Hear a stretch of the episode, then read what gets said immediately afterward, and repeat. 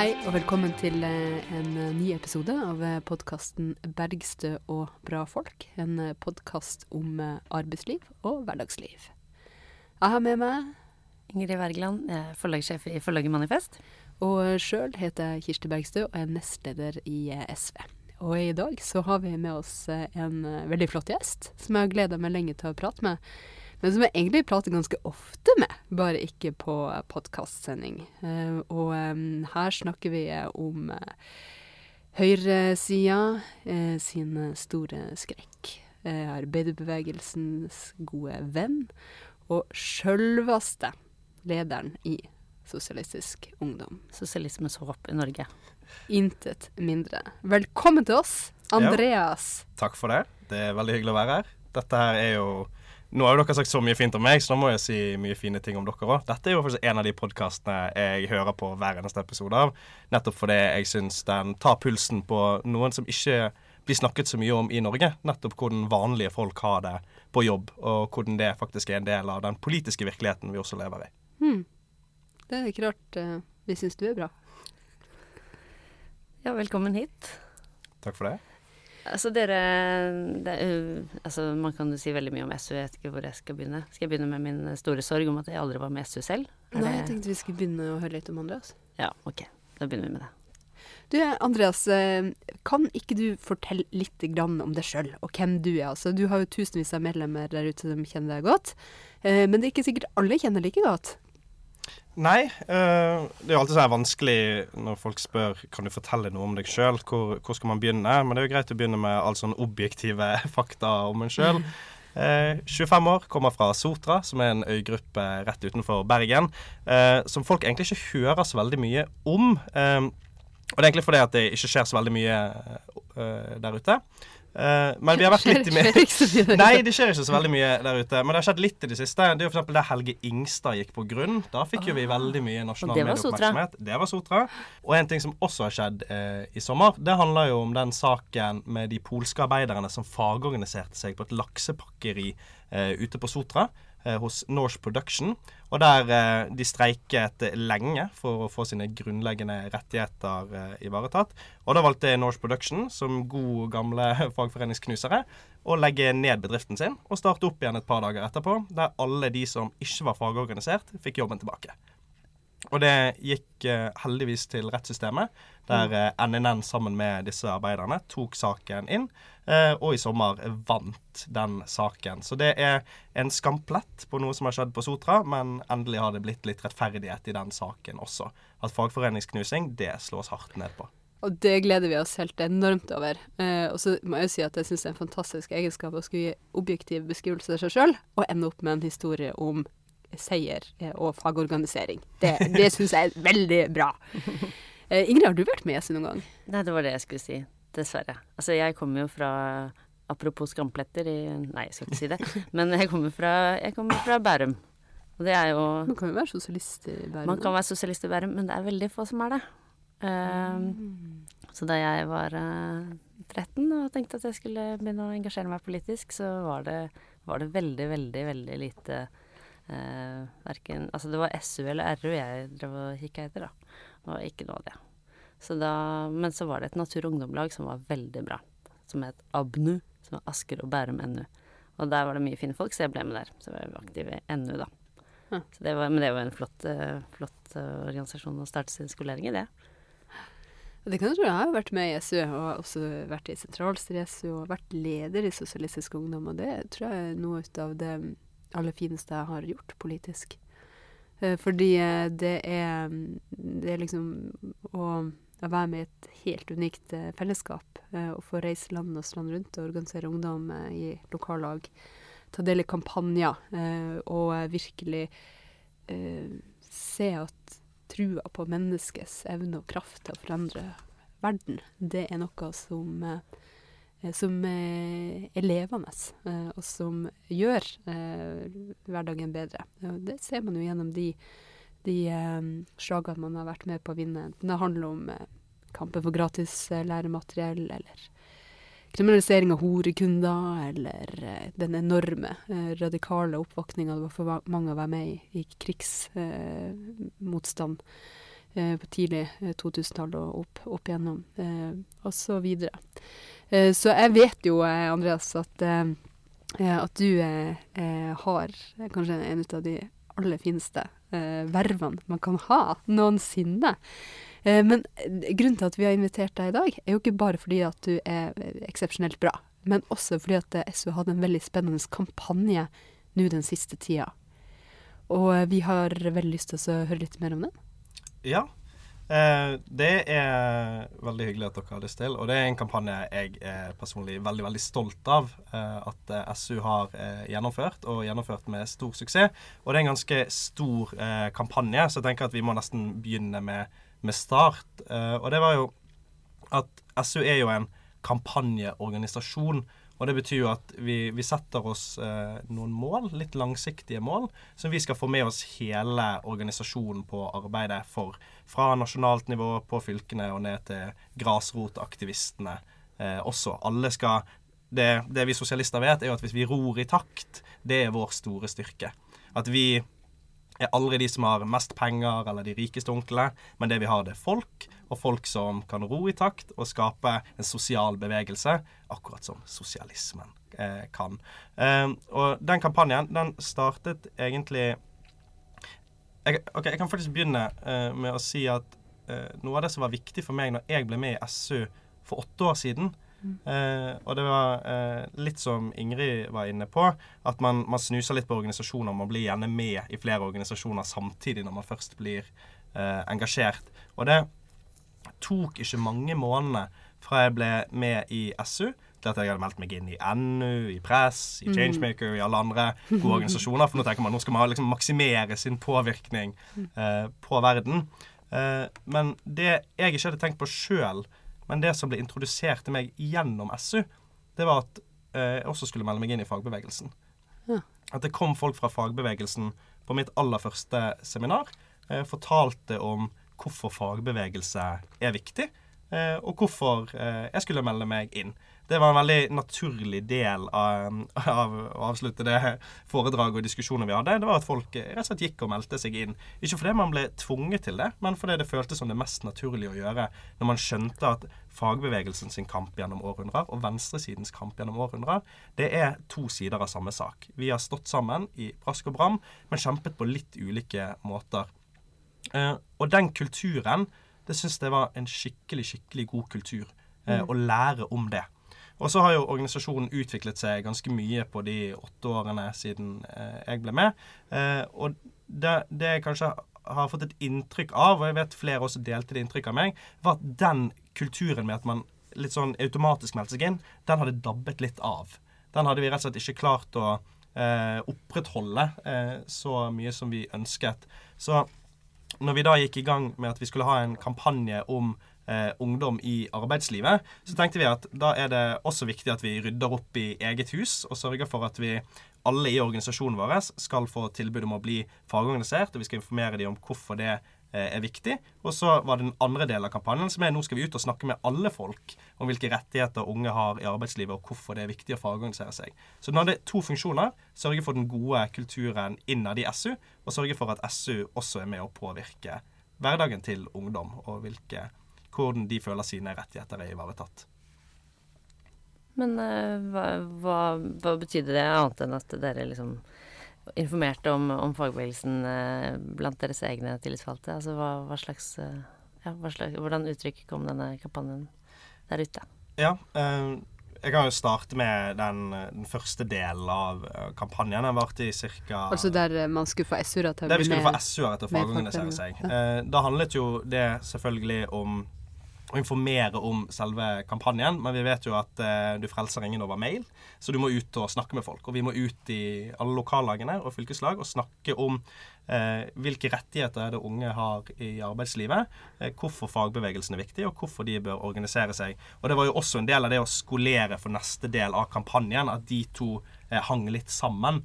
Eh, så vi hadde jo det selvfølgelig opp i alle våre organ i landsstyret og sørget for at vi hadde 100% fagforeningsgrad der, og spredde det utover i hele landet.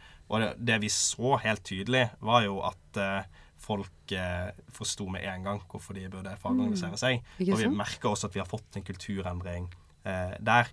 Eh, og det ga også den selvsikkerheten når folk sjøl skal ut og snakke med andre ungdom eh, om sine rettigheter. Men eh, jeg har jo ofte blitt invitert til SU for å snakke om eh, diverse ting. Ofte da arbeidsliv og ja, sånne ting. Eh, og da Det jeg ofte tenker på når jeg skal snakke for SU, er jo at det er jo mye folk som er ganske unge. Eh, som kanskje ikke har så mye arbeidserfaring.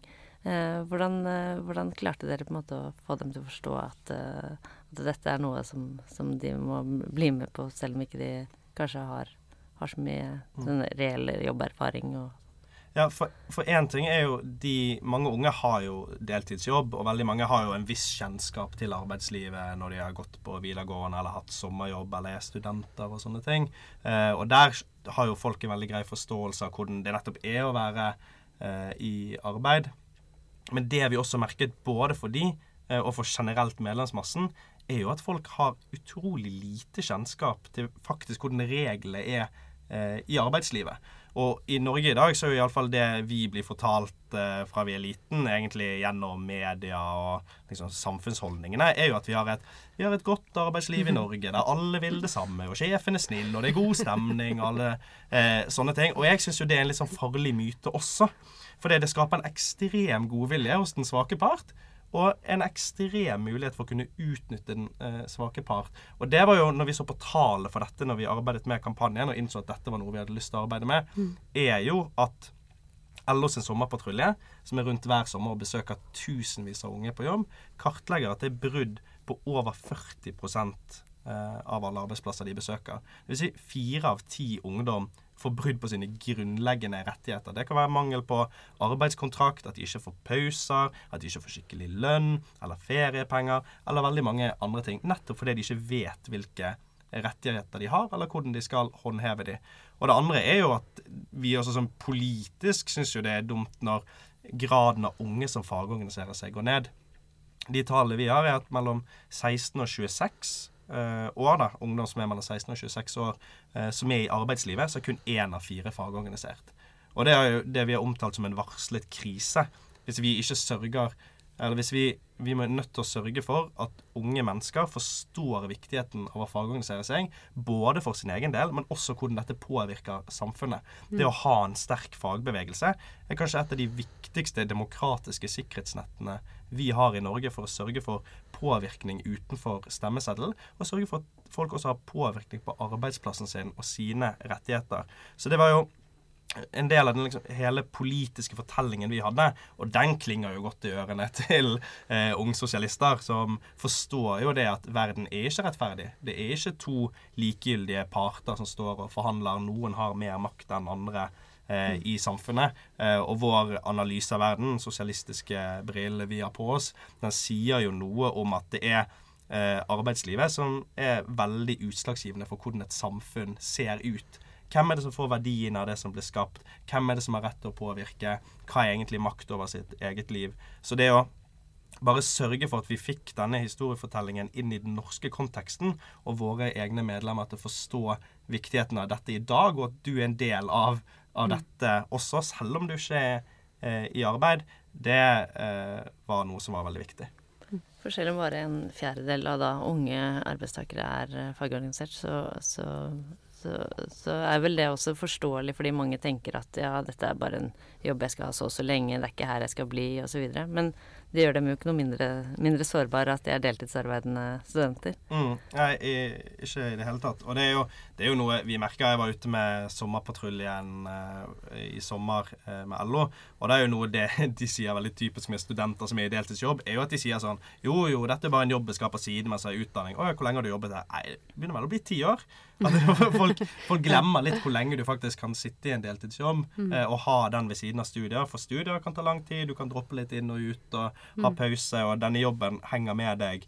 Eh, og ofte er jo det god stemning på jobb eh, og sånne ting. Problemet er jo når det plutselig ikke er det lenger. Uh, og det er jo en erfaring jeg også sjøl jobbet på bensinstasjon mens jeg var student i tre år. Var en helt kongejobb. Fantastiske kollegaer. Uh, veldig, veldig bra jobb.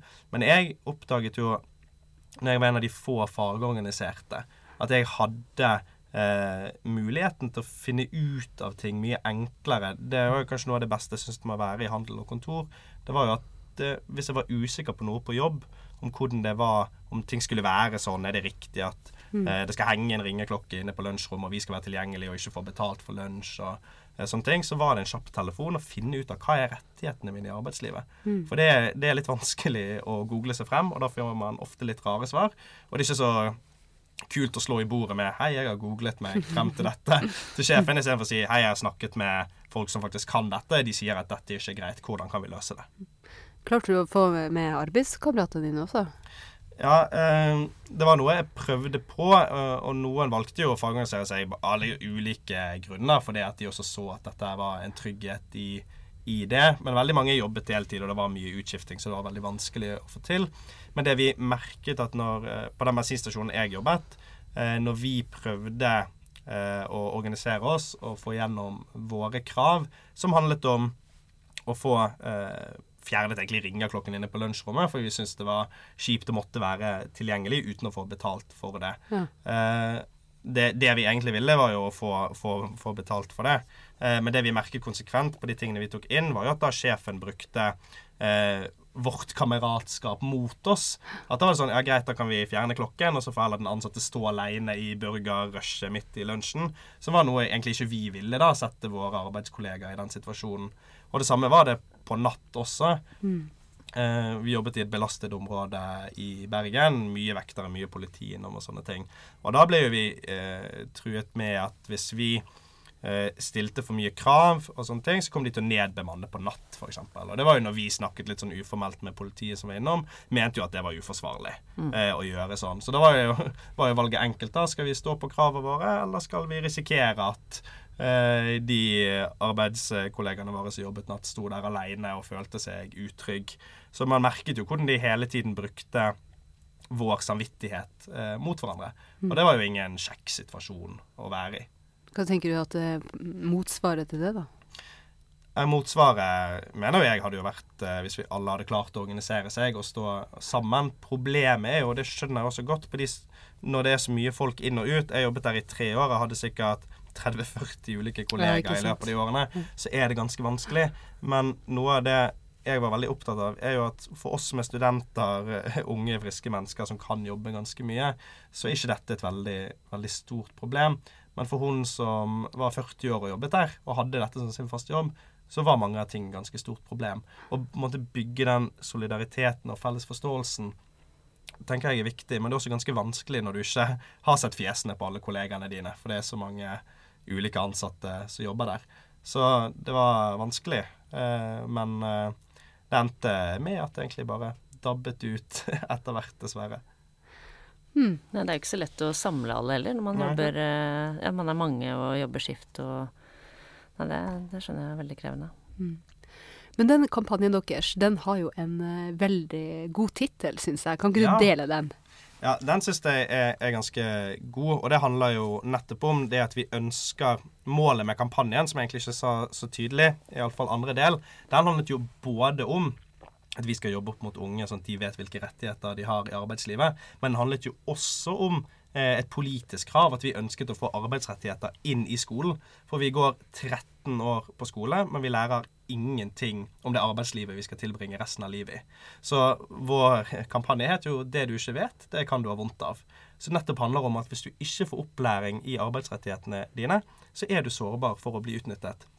Og det er jo en av de tingene Arbeidstilsynet også har slått ganske kraftig fast. Det at unge er særlig sårbare i arbeidslivet nettopp fordi de ikke kjenner til rettighetene sine. Mm. Det er jo uh, unge og uh, folk fra andre land uh, og folk med løs tilknytning til arbeidslivet som er i de verste ulykkene. Mm. så det er jo rett og slett farlig. Mm. Så jeg syns det er en veldig treffende uh, tittel dere har, har kommet med. Og da er et av kravene at man, at man i løpet av skolegangen skal lære om rettigheter og hvordan arbeidslivet fungerer? Mm. Ja, altså, vårt, vårt, krav handler jo både om at vi ønsker eh, tydeligere inn fagbevegelsens historie i, i, skolen, for vi mener det er viktig for demokratiopplæringen. Det at man forstår at det, alle de rettighetene vi har i Norge i dag, de har ikke kommet av seg sjøl. De har kommet gjennom at folk har kjempet beinhardt, ofret eh, tid, ressurser, liv, og egentlig ganske mye for at vi skal ha eh, de rettighetene vi har med ferie, eh, arbeidstid, greit lønnsnivå og sånne ting. Dette har ikke kommet av seg sjøl. Den norske modellen som liksom alle skryter av i Norge, den er jo ikke kommet frem fordi at noen ga den til oss. Den er jo kommet frem fordi vanlige folk organiserte seg eh, og kjempet. Og at man skal lære det på skolen, mener vi er ufattelig viktig. Og så mener vi også det at man får den konkrete opplæringen. Hva er faktisk rettighetene dine? Det må alle få lære at du har krav på en kontrakt, du har krav på eh, det og det når det kommer til arbeidstid, sånn at du faktisk ikke blir eh, utnyttet. Har dere samarbeida med ungdommene ungdommen i LO om det her, Mm. eller? Ja? Det var viktig når vi skulle utvikle en kampanje på dette, at de som ledet kampanjearbeidet, eh, selvfølgelig snakket med LO sitt ungdomsutvalg, fikk innspill, fikk tips til hvilke aktiviteter vi kunne ha. Hvordan snakker vi med ungdom om arbeidsliv? Det er jo de som kan det aller, aller best. De gjør jo dette som sin, eh, en av sine hovedsysler. Så det å snakke med de var jo helt naturlig eh, for oss å få innspill i hele prosessen og ha eh, en god dialog. Og vi er jo utrolig takknemlige for at vi nettopp har fått sånne eksperter som de frivillige og aktive i LO faktisk er. Hvor lenge er man ungdom i SU? I LO er man jo ungdom opp til 35. I SU så er du ungdom opp til du er 30. Ja. Så det er en raus ungdomsbeskrivelse. Nei, det syns jeg ikke er raust. Jeg syns det er altfor eh, tidlig. Natur og Ungdom husker jeg var 25 år. Ja, så da hadde du jo- vært sparka ut nå, Andreas. ja, shit. Så du valgte rett. Jeg valgte, rett. jeg valgte rett vei. Men, eh, men eh, så bra, da. Jeg har sett noen flotte bilder av, eh, av eh, landsstyret eller sentralstyret eller hva det var for noe, med, med stolte 100% organiserte.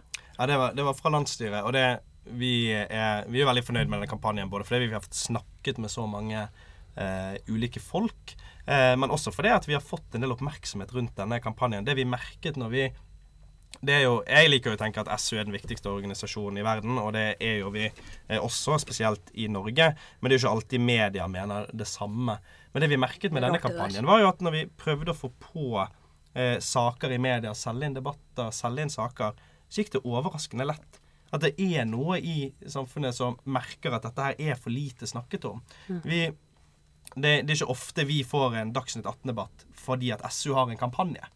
Eh, men problembeskrivelsen er så ekte, og er så mange tusenvis av unge mennesker som føler på at man kan ikke ignorere det på noe som helst måte. Eh, og det å sitte og liksom hamre løs på FPU, som mener at dette er helt idiotisk å bruke eh, tid på at lærere skal eh, lære om, og faktisk snakke om hvor viktig dette er, da føler man virkelig at man kjemper den riktige og gode kampen. For det er jo noe hvis FPU er uenig med deg, så vet du at du er ganske på rett vei. Ja, for jeg skulle akkurat til å spørre om det, hvilke, hvilke av eh, ungdomspartiene som er liksom den tydeligste mot, motsatsen eh, i dette spørsmålet her. Men det er FPU. Jeg vil jo mene det er FPU, og det jo, har jo også møtt i debatt i Dagsnytt 18 noe som jeg ikke hadde trodd jeg noen gang kom til å sitte i det studioet og debattere. Det var jo om vi skulle ha en arbeidsmiljølov i Norge. Du tuller. Nei, nei, nei. De har i programmet sitt at de vil fjerne arbeidsmiljøloven. FPU sitt program fra 2018 til 2020, som er en sånn helt utrolig vill ting å regulere. Det er jo der forbudet mot barnearbeid står. og Altså, det er jo bare liksom, Hele grunnplanken for et regulert arbeidsliv står der. Men det mener jo FPU hemmer friheten til selvstendige voksne mennesker. og ikke Og barn. og barn og? Men, men det handler jo noe om at da, da er det noe problem med skoleverket. da. Eh, at folk nettopp ikke forstår at den makten i arbeidslivet, det er ikke to likeverdige parter. Det er noen som betaler ut lønn, og så noen som selger arbeidskraften sin for å få den lønnen, og er helt avhengig av den lønnen for å putte mat på bordet. Det er ikke sånn at du faktisk kan stå og forhandle deg til de mest fancy ting hvis du sliter med å betale leien. Og arbeidsmiljøloven er jo en vernelov nettopp mot de skeive maktforholdene i arbeidslivet. Eh, Men, eh, men det er jo ingen tvil om hvem eh, FPU mener at skulle hatt mer makt. Det er overklassene. Det er de rikeste. Det er derfor Frp også sparer ut penger i milliarder på milliarder til dem som har mer enn nok fra før, mens velferden eh, og vanlige folk blør.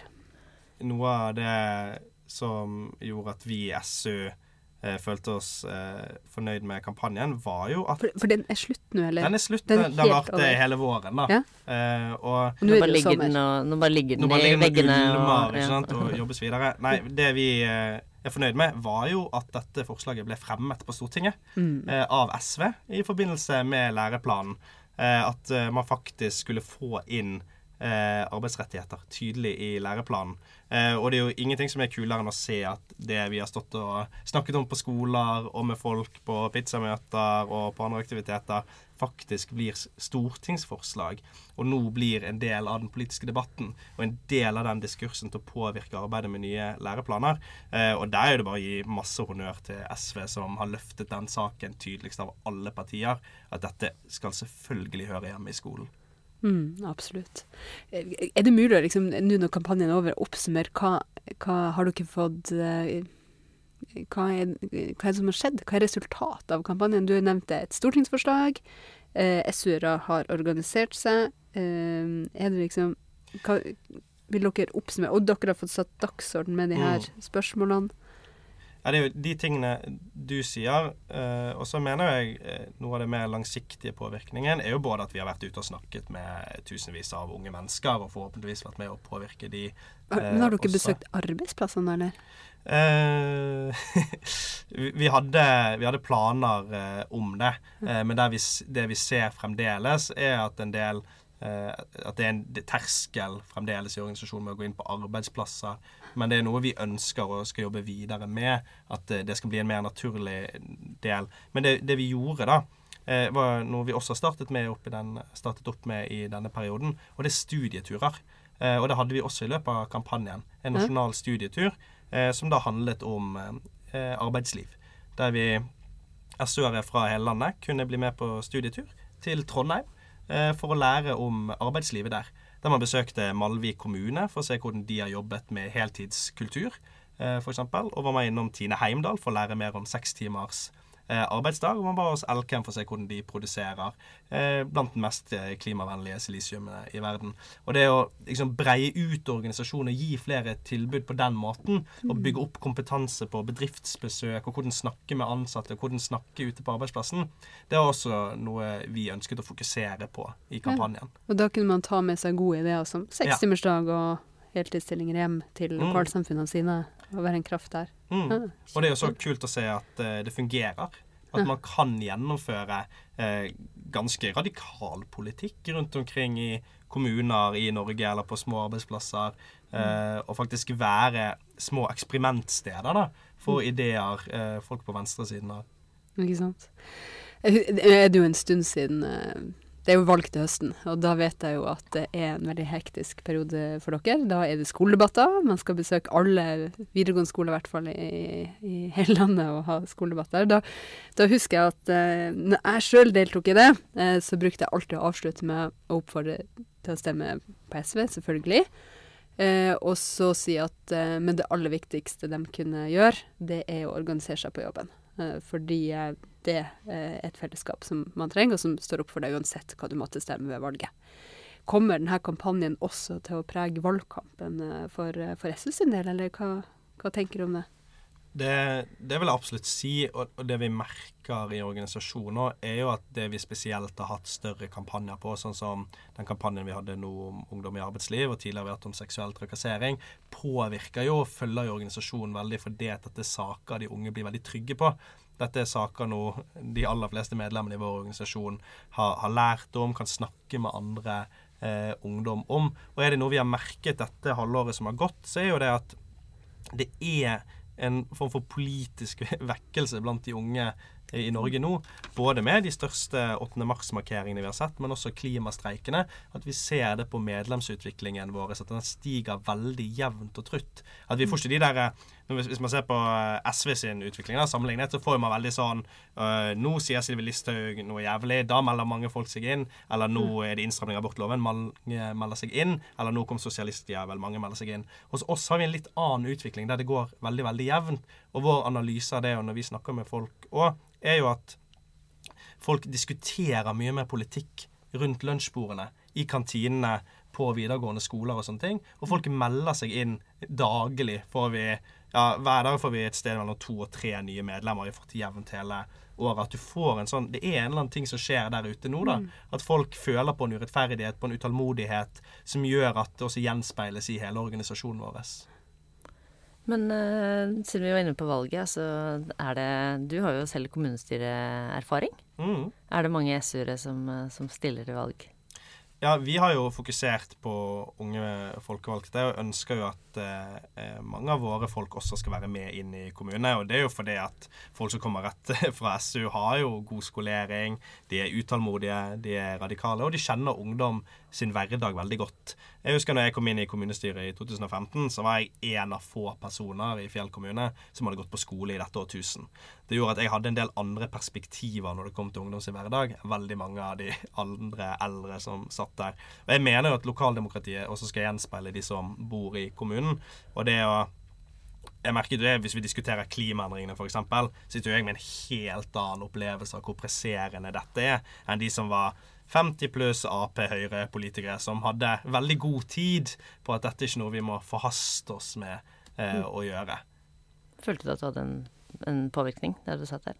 Ja, eh, jeg kommer jo fra en veldig høyrestyrt eh, kommune, så det var jo begrenset med påvirkning. Men jeg hadde noen gjennomslag som jeg mente eh, var veldig viktig. Vi fikk gjennom at vi skulle ha arbeidet med en klima- og energiplan i kommunen i løpet av perioden som, som nå er kommet, som var viktig for å konkretisere hvordan vi skal eh, arbeide med klimagassutslippene. Og så var det Dette er jo også en kommune som har eh, jobba mye i leverandørindustrien opp mot oljesektoren. Så når oljeprisfallet Eh, kom, så brukte jo regjeringen altfor lang tid til å komme med en krisepakke i det hele tatt. Og den mm. krisepakken vi fikk, var jo ganske liten og hjalp ganske, ganske lite.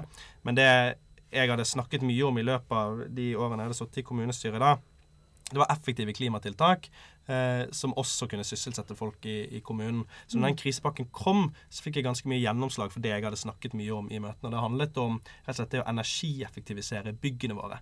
For det vi merket, var at eh, når det sviktet i leverandørindustrien, så sviktet også alle investeringene i kommunene. Mm. Og byggebransjen var noen av de som ble rammet aller hardest. Så det at vi brukte hele den krisepakken faktisk på å energieffektivisere, som er blant de mest eh, effektive klimatiltakene vi har, men også eh, sørget for jobb eh, til folk i byggebransjen i vanskelige tider, det var noe som Et gjennomslag jeg tror ikke hadde kommet, hadde ikke vært for at vi i SV hadde fokusert såpass mye på det. Tenker du at ungdom har en annen rolle i, i, i politikken? Fordi altså det, I min tid i SU så diskuterte vi ofte om vi skulle oppfordre våre medlemmer til å stille til valg eller ikke. Og det er jo klart at det er jo kjempeviktig å ha eh, en eh, bred representasjon i, på listene og på, eh, i kommunestyrene, fylkesting og storting og alt. Men eh, vi hadde jo også mange eksempler på at det rett og slett var litt døden for politisk engasjement. Mm. Eh, og lempes ned med tonnevis av sakspapir når du var 19, og kanskje ende opp i et utvalg som skulle eh, ha ansvar for vann og avløp. Eh, og det er jo kjempeviktige spørsmål i, i kommunen, eh, men det kan likevel være litt sånn eh, krevende å, å, måtte seg gjennom uendelig store saksmengder mm. og, og ansvarliggjøre seg veldig, da. Eh, mm. Hva, hva, hva, tenker du om, eh, om, det?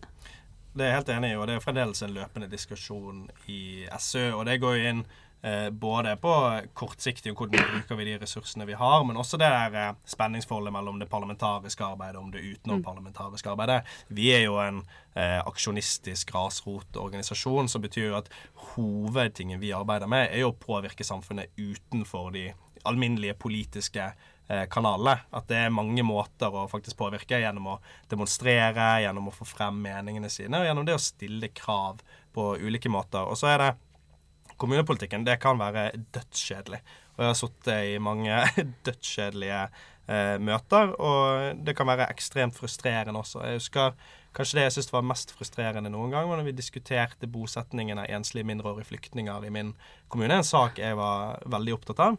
Vi hadde tatt imot, Min kommune har tatt imot veldig lite flyktninger tidligere, men vi skulle ta et tak i forbindelse med den flyktning, eh, med det økte antallet av flyktninger som kom til Norge. Og da husker vi satt i komiteene satt og diskuterte dette. Og det var så å si kun jeg som tok ordet, og vi diskuterte i kanskje fem til ti minutter, så var vi ferdig med saken. Mm. Og så var neste sak skrivemåte på veier i kommunen, og det diskuterte vi godt over en halvtime. Og det, det bare føles det sånn hva er det som er viktig for folk som sitter der, da? Er det om vi skal bruke den gamle nynorske skrivemåten eller den nye, eller er det faktisk barn på flukt? Eh, og bare den rettferdighetsfølelsen da gjør jo at jeg føler at behovet for flere folk med et stort mm. hjerte på venstresiden i kommunen er så viktig. For det er, det er så mange uviktige saker som diskuteres i et kommunestyre, og det er så mange viktige saker som diskuteres altfor, altfor lite. Og så er det jo ofte sånn at noen andre definerer hva som eh, er innafor og, og, Mm. ikke da, å ta opp og diskutere. Da tenker jeg at det, det å ha SU-ere som har Mm. nettverk, eh, støtte i hverandre, og som kan utvide rommet eh, for, eh, for hvordan man kan jobbe i kommunestyrene, det kan jo være en veldig stor styrke. Ja, og det, det tenker jeg er litt viktig at spesielt unge folk, eh, hvis de har fått en god bygging fra ungdomsorganisasjonen eller har et nettverk rundt seg, ikke lar seg føye inn i hva er spillereglene innenfor et kommunestyre og sånne ting. Og det merket jeg Høyresiden har vært veldig god på eh, konsekvent å mene at eh, iallfall i min kommune og i veldig mange andre kommuner, at man ikke skal bruke innkjøpsregler til å påvirke markedet, egentlig, da, for det skal liksom markedet fikse sjøl, og så skal kommunen være mer restriktiv. Det mener jeg er jo helt idiotisk. Hvis man virkelig iallfall liksom, tror på markedsmakt, som høyresiden gjør, så burde jo det være det første man gjør, og påstå at man har et samfunnsansvar eh, der. Eh, men da er jeg glad for at en av de eh, gjennomslagene jeg fikk, eh, handlet om tariffavtaler på hotell i kommunen. Ja. Som hadde vært en diskusjon ganske lenge, fordi det var noen hoteller som hadde drevet eh, egentlig ganske grov utnytting av folk som jobbet på hotell i kommunen. Eh, og da husker jeg jeg løp rundt eh, i pausen i kommunestyret for å sørge meg for at alle jeg hadde snakket med, fremdeles var positive til ideen. da. Og det var at vi kun fra nå av skulle bruke hoteller med tariffavtale eh, i kommunen. Og det husker jeg veldig godt at eh, Høyre hele tiden var skeptisk til. Nei, nei, nei, vi skal ikke gjøre det, og dette, nå blander vi roller og sånne ting. Og når vi endelig kom til votering, og alle reiste seg, så reiste selvfølgelig Høyre seg også. For jeg husker Det er så godt som varaordfører og gruppeleder står og ser på hverandre, så vet de at dette tar seg veldig dårlig ut. Hvis nå Høyre er de eneste som stemmer imot, og så sånn litt vemodig reiste de seg. Litt tung i ræva der. Ja, de var litt tung i ræva der. Og det, jeg synes, på en måte så er det bra at de føyer seg, men på en annen måte så syns jeg det er ganske ekkelt. At de sitter og motarbeider dette hele tiden. Men de presser dem på plass! ja, jeg presser dem på plass, men de tør jo De kan jo allikevel nå stå og si 'vi stemte for dette', bla, bla, bla. Ja, og da får man bare kreve at de eh, liksom følger opp, da. Ja. Ja. Det er kjempegodt jobba. Ja, det var gøy. Det er en av mine stolteste øyeblikk i kommunestyret. Å se Høyre måtte reise seg for at nå skulle vi kun bruke hotell med tariffavtale. Ja, og da vet man at politikk det betyr noe. At det demokratiske rommet det kan fylles med viktig innhold eh, for folk. Men eh, det er jo utrolig hyggelig å prate med deg, og det er utrolig oppløftende å høre om SU sin kampanje og alt det fantastiske dere gjør. Men det er jo likevel en ganske sånn um, nedslående dag i dag. Det er en sterk dato. Det er 22. juli. Og da, eh, det er jo en, eh, en hendelse, en dato som har prega særlig ungdomspartiene, og generasjoner med venstresidas ungdomspartier. Hvordan forhold har du til den dagen, Andreas? Det er jo en dag jeg tror alle på min alder husker uh, forferdelig godt. Uh, det, det var en dag der som var helt, helt jævlig. Jeg tror selv om jeg ikke var aktiv i ungdomspolitikken akkurat da, jeg ble aktiv litt seinere på året Alle vi hadde Man hadde jo en relasjon til noen som var på øyet når man opplevde dette eh, veldig på kroppen. Og jeg, jeg tror Jeg hadde jo 2011 var et sånt år for meg der jeg hadde min politiske oppvåkning eh, og tenkte at jeg skulle begynne å engasjere meg, og ble, sånn, begynte å se verden med venstresidens briller og forstå urettferdigheten i verden og sånne ting. Og var, hadde vurdert og tenkt eh, på å engasjere meg en stund, men når et så politisk angrep på en ungdomsorganisasjon i Norge skjedde, så føltes det jo det også som at man måtte møte dette med noe. Eh, og møte det med eh, rosetog, eh, det var fantastisk. Og det å møte det med samhold og styrke og omfavne de verdiene som er viktige i samfunnet, var, var viktig. Men jeg, jeg følte også på noe personlig noe mer, da. At her, her må vi også møte det med politisk kamp. For selv om dette var et angrep på det statsbærende partiet i Norge og deres ungdomsparti, så var det også et tydelig politisk angrep på venstresiden. Et angrep på hele den bevegelsen som har, har bygget dette samfunnet. Og da var det, var det viktig for meg også å stå opp mot de kreftene eh, vi så da, men som vi dessverre også ser i, som vokser rundt omkring i verden. Både i nabolandene våre eh, i Sverige, men også i store deler av Europa og den vestlige verden. At den organiserte rasismen og fascismen faktisk er på fremvekst. Og den eneste måten å bekjempe det på, er gjennom politisk kamp. Det er jo kanskje noe ut av det som eh, blir mer og mer frustrerende for, eh, for hvert år eh, etter 22. juli. For den første tida så var det jo en litt sånn lammelse. Det var ikke eh, Ja, det kom gjerne sterke reaksjoner hvis man kom med politiske eh, analyser av, eh, angrepet videre, mens, mens det er jo veldig krevende å se hvor lite man som samfunn har evna å ta et oppgjør med tankegodset som lå bak eh, terroristens eh, handlinger. Eh, og det er jo veldig oppløftende på den andre sida, å høre et så tydelig budskap fra nettopp eh, venstresidas ungdomspartier om at, det, om at det må skje.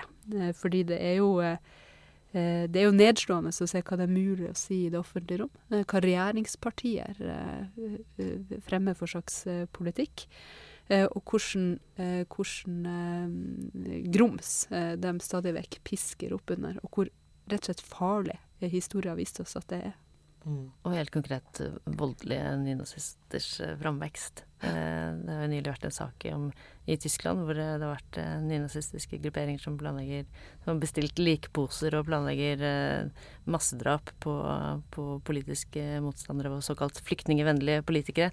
Altså det er, det er så mange stygge eksempler da, eh, rundt oss hele tiden. Og, og jeg, men jeg syns jo, jo, det har blitt eh, De siste årene rundt markeringen av 22. juli, så har det jo blitt mer og mer eh, politisert, da. Mens det startet med en, eh, som du sa, en sånn lammelse og, og gikk over i en litt sånn psykologisering, ikke sant. Mm. Til at vi nå eh, heldigvis da kan tillate oss å, å, å bruke bruke denne minnedagen til, eh, til å ta opp politikk igjen. Mm. Og jeg er spesielt uh, utfattelig imponert over dem som hadde det tettest på kroppen over AUF, som, som klarer å stå oppreist på, på dager som det her, og, uh, og vise at samhold gir styrke. Mm. Det er veldig, veldig sterkt. Ja, det må jeg jo si at jeg er utrolig imponert over det arbeidet både Arbeiderpartiet og AUF spesielt har mm. gjort. Både med å ta tilbake eh, Utøya, og hvordan de har bygd det opp, er jo helt fantastisk. Mm. Og gjør jo at det, flere organisasjoner bruker det eh, veldig aktivt og har blitt et sted for å skape nye, gode minner. Eh, Istedenfor at det bare skal være et sted der man eh, møtes for å minne det helt forferdelige som skjedde der. Men at det også skal på en måte kokes ut politisk, politiske ideer og politisk kamp og politisk samhold ut av det. Og det at AUF har stått i spissen for det, det syns jeg de skal ha all honnør for at de har klart mm. å gjøre. Mm. For det er ingen selvfølge at man skal gjøre. Nei, det er sterkt, og det viser eh, arbeiderbevegelsens styrke på sitt, eh, på sitt aller beste. Eh, og så er det et sår som aldri vil gro helt. Sånn, mm. sånn er det jo. Da er det jo et spørsmål vi ikke kan snyte lytterne for i dag. Og da eh, kan det hende at de faste lytterne eh, skjønner hva det er. Det er nemlig hva var din første betalte jobb? Og nå er jo jeg veldig, veldig spent på om det er bensinstasjonen. Eller var det noe jeg hadde, annet først? Jeg hadde, jeg hadde faktisk en del jobber før jeg begynte å jobbe på bensinstasjonen. For jeg begynte jeg eh, begynte å jobbe ganske tidlig, egentlig. Og den første jobben jeg fikk, var jo sånn vanlig å få når man var 13 år og hadde lov til å begynne å jobbe, og det var å gå med avisen.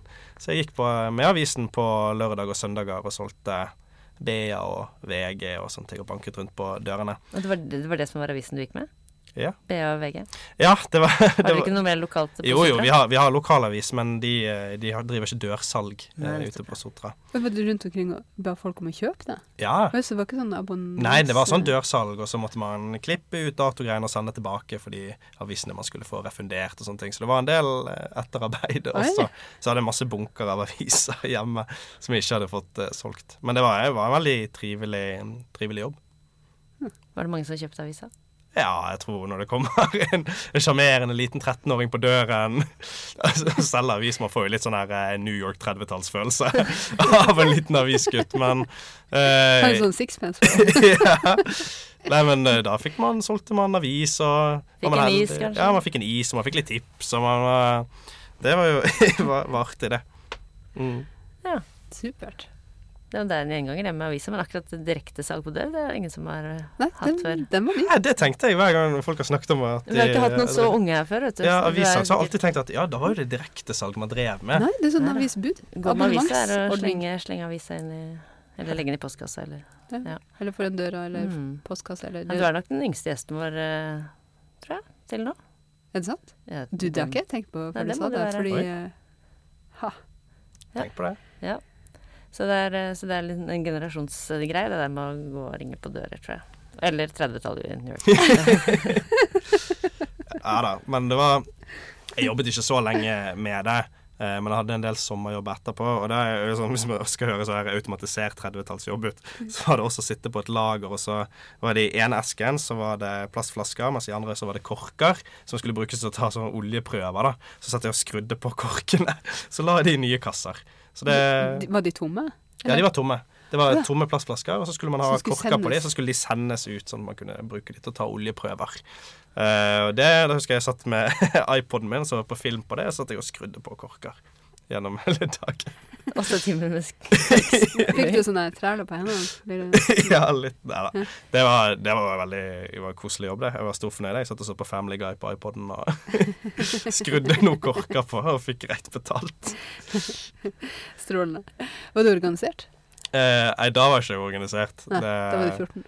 Jeg ble, ble organisert når jeg var 16 eller 17 år. Ah. Og det er da gjennom SU og fagbevegelsen. Ja. Det var noe jeg ikke hadde hørt noe om før det, Nei, så det er derfor vi må lære det på skolen. Det var gode ord å avslutte med. Tusen takk for at du var gjest hos oss, Andreas. Ja, veldig hyggelig. Utrolig hyggelig. Eh, og eh, da er det bare å takke for følget til deg som har hørt på. Takk dr. Wergeland for, eh, for musikken. Eh, så håper jeg at du vil like, del, eh, og at du får en eh, veldig fin dag videre.